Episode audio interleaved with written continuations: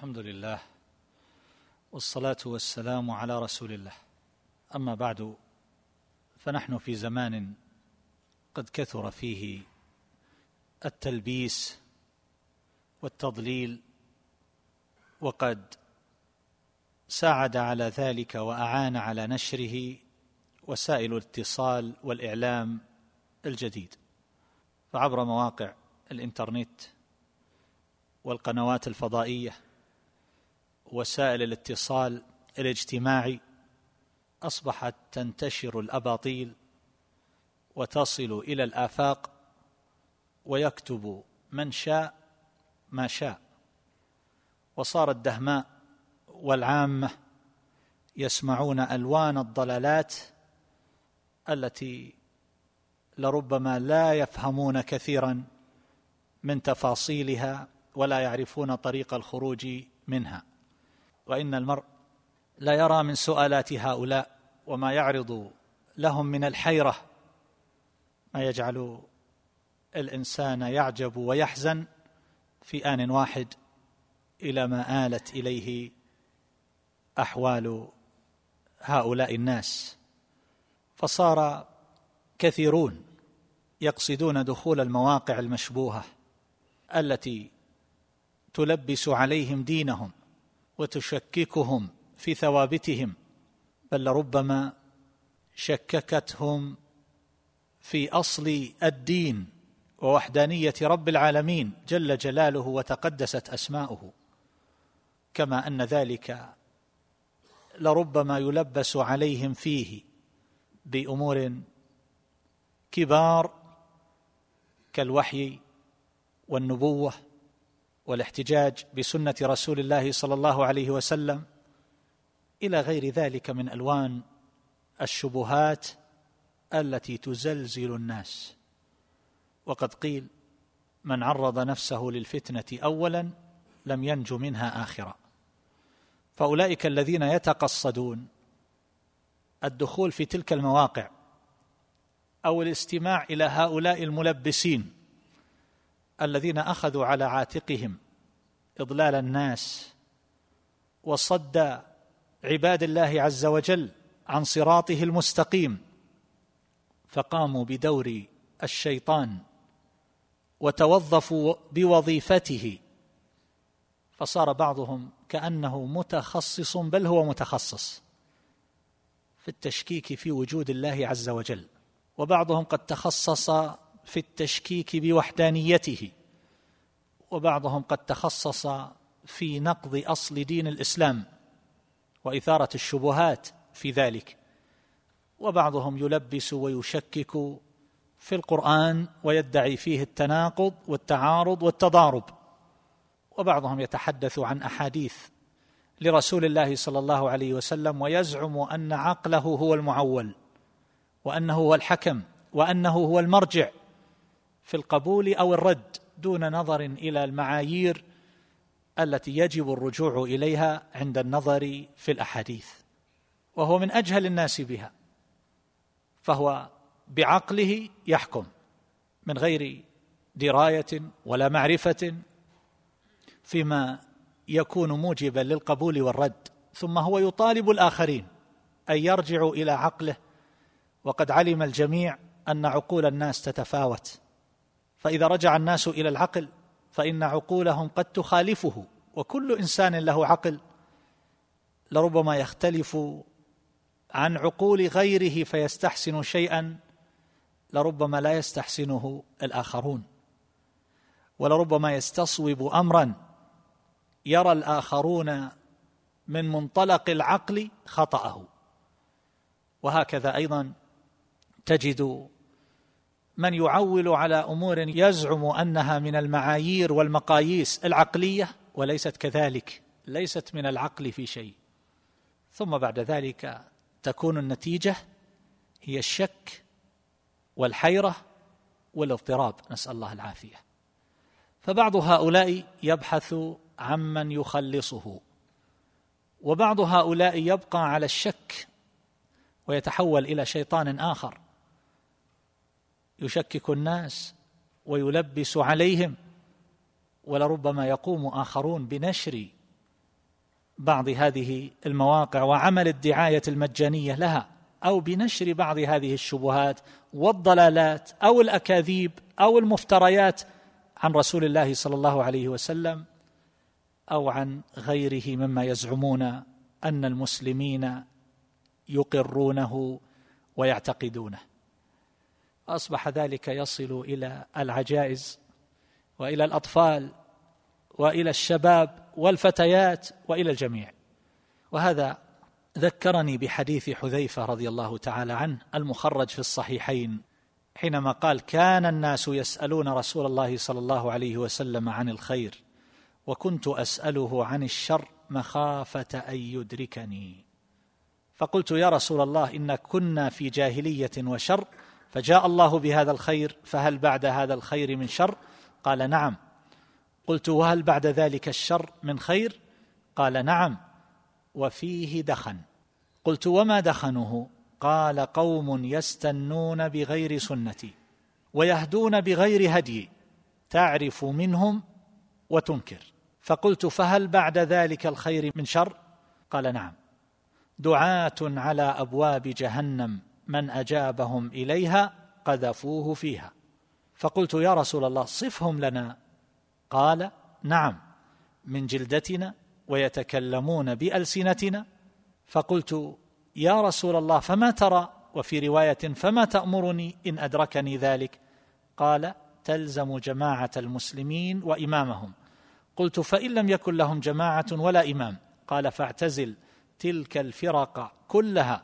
ولو أن تعض بأصل شجرة حتى يدركك الموت وأنت على ذلك. وفي رواية لمسلم ما دخنه؟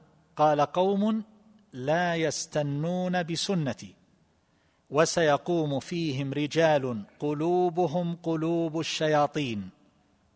في جثمان إنس قلوبهم قلوب الشياطين. في جثمان إنس. قلت كيف أصنع يا رسول الله إن أدركت ذلك؟ قال تسمع وتطيع. وإن ضرب ظهرك وأخذ مالك فاسمع وأطع. يقول حذيفة رضي الله عنه تعلم اصحابي الخير وتعلمت الشر. والحديث له روايات متعددة وهذا ما جاء في الصحيحين منها. فقوله هنا دعاة على أبواب جهنم. وقوله قبله حينما ذكر الخير المختلط بالشر وصفهم صلى الله عليه وسلم قوم يستنون بغير سنتي ويهدون بغير هدي. هؤلاء الذين يخلطون هؤلاء من المسلمين لكنهم يخلطون. لا يكون هؤلاء على السنة المحضة يعني ليسوا على الإسلام الخالص فإن هؤلاء هم الغرباء. ثم ذكر بعد هؤلاء لما قال تعرف منهم وتنكر يعني الطائفة الأولى. ثم ذكر الذين بعدهم قال دعاة على أبواب جهنم من أجابهم إليها قذفوه فيها. فهؤلاء الأشرار. الأشرار مثل من؟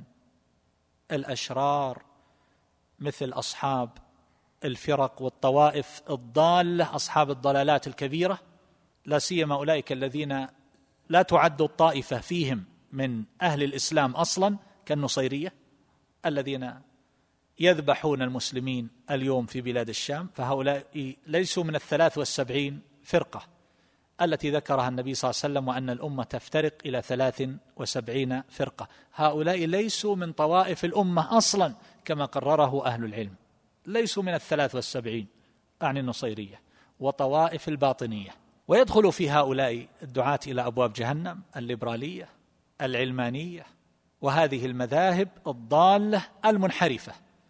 ويدخل فيه سائر الملاحدة ويدخل فيه أولئك الذين فتحوا مواقع يشككون فيها بذات الله أو يطعنون فيها بالذات الإلهية أو برسول الله صلى الله عليه وسلم أو يشككون ويلبسون على الناس في ثوابت الدين.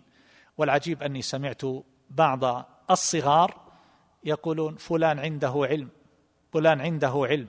وينقلون عن بعض الناس أنه يقول إن هذا أعلم من كثيرين ممن يردون عليه. وقد جاءني بعضهم بأوراق كثيرة استخرجها من ذلك الموقع فلما رأيتها ونظرت إليها وإذا هذا الرجل يمكن أن يقال عنه بأنه من أكذب الناس أو يقال إنه من أجهل الناس. إما أن يكون من أجهل الناس هذا اللي يقال عنده علم. أو أنه من أكذب خلق الله. فهذه الشبهات التي يذكرها إن كان عنده علم فهو يعلم بطلانها قطعا وأنها تافهة. وإن كان ليس عنده علم ويذكرها ويعتقد أنها شبهات حقيقية فهذا من أجهل الجاهلين. على كل حال هؤلاء في الرواية الأخرى قال النبي صلى الله عليه وسلم وسيقوم. لاحظ هؤلاء في المخلطين. الذين لا يستنون بسنته وسيقوم فيهم رجال قلوبهم قلوب الشياطين. في جثمان إنس قلوبهم قلوب الشياطين. وإنك لتسمع لبعض هؤلاء أحيانا ولا تجد مدفعا لشيء في نفسك يقول بأن الذي يتحدث هذا شيطان في مسلاخ إنسان. وانظر لما جاء في صحيح مسلم في المقدمة عن عبد الله بن عمرو رضي الله عنه إن في البحر شياطين مسجونة أوثقها سليمان يوشك أن تخرج فتقرأ على الناس قرآنا. يوشك أن تخرج فتقرأ على الناس قرآنا. وفي صحيح مسلم عن ابن مسعود رضي الله عنه إن الشيطان ليتمثل في صورة الرجل فيأتي القوم فيحدثهم بالحديث من الكذب فيتفرقون فيقول الرجل منهم سمعت رجلا أعرف وجهه ولا أدري ما اسمه يحدث. هذا في صحيح مسلم. وهو هذا المتحدث شيطان قد تصور وتلبس بصورة رجل.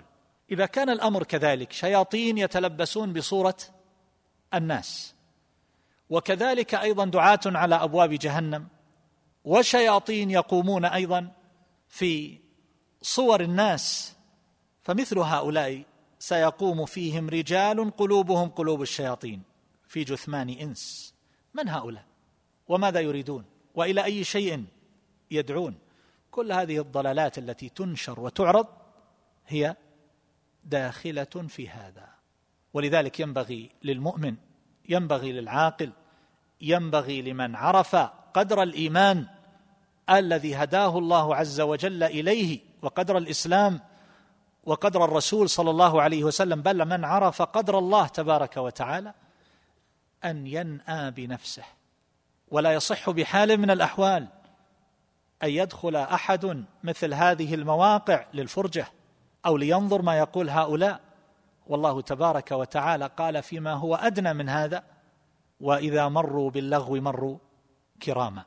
وإذا سمعوا اللغو أعرضوا عنه. وقال والذين لا يشهدون الزور ويدخل في الزور أعياد المشركين ومجالس الزور ومجالس الكذب ومجالس التشكيك والتلبيس على الناس ويدخل فيه أيضا هذه المواقع والحسابات في تويتر أو هذه الصفحات في الفيسبوك أو في غير ذلك مما تعرفون مما يكون قد فتح لنشر الشبهات والأباطيل وإفساد العقائد والأديان. ومن دخل في شيء من ذلك ثم تورط بعدها فلا يلومن إلا نفسه. فهؤلاء كما قال الشافعي رحمه الله لبعض تلامذته لما ذكر له شبهة زجره زجرا شديدا وقال أتدري أين أنت؟ أنت في تاران. تاران يبدو أنه يقصد به. يعني كيف تدخل في هذا؟ فكيف يلج؟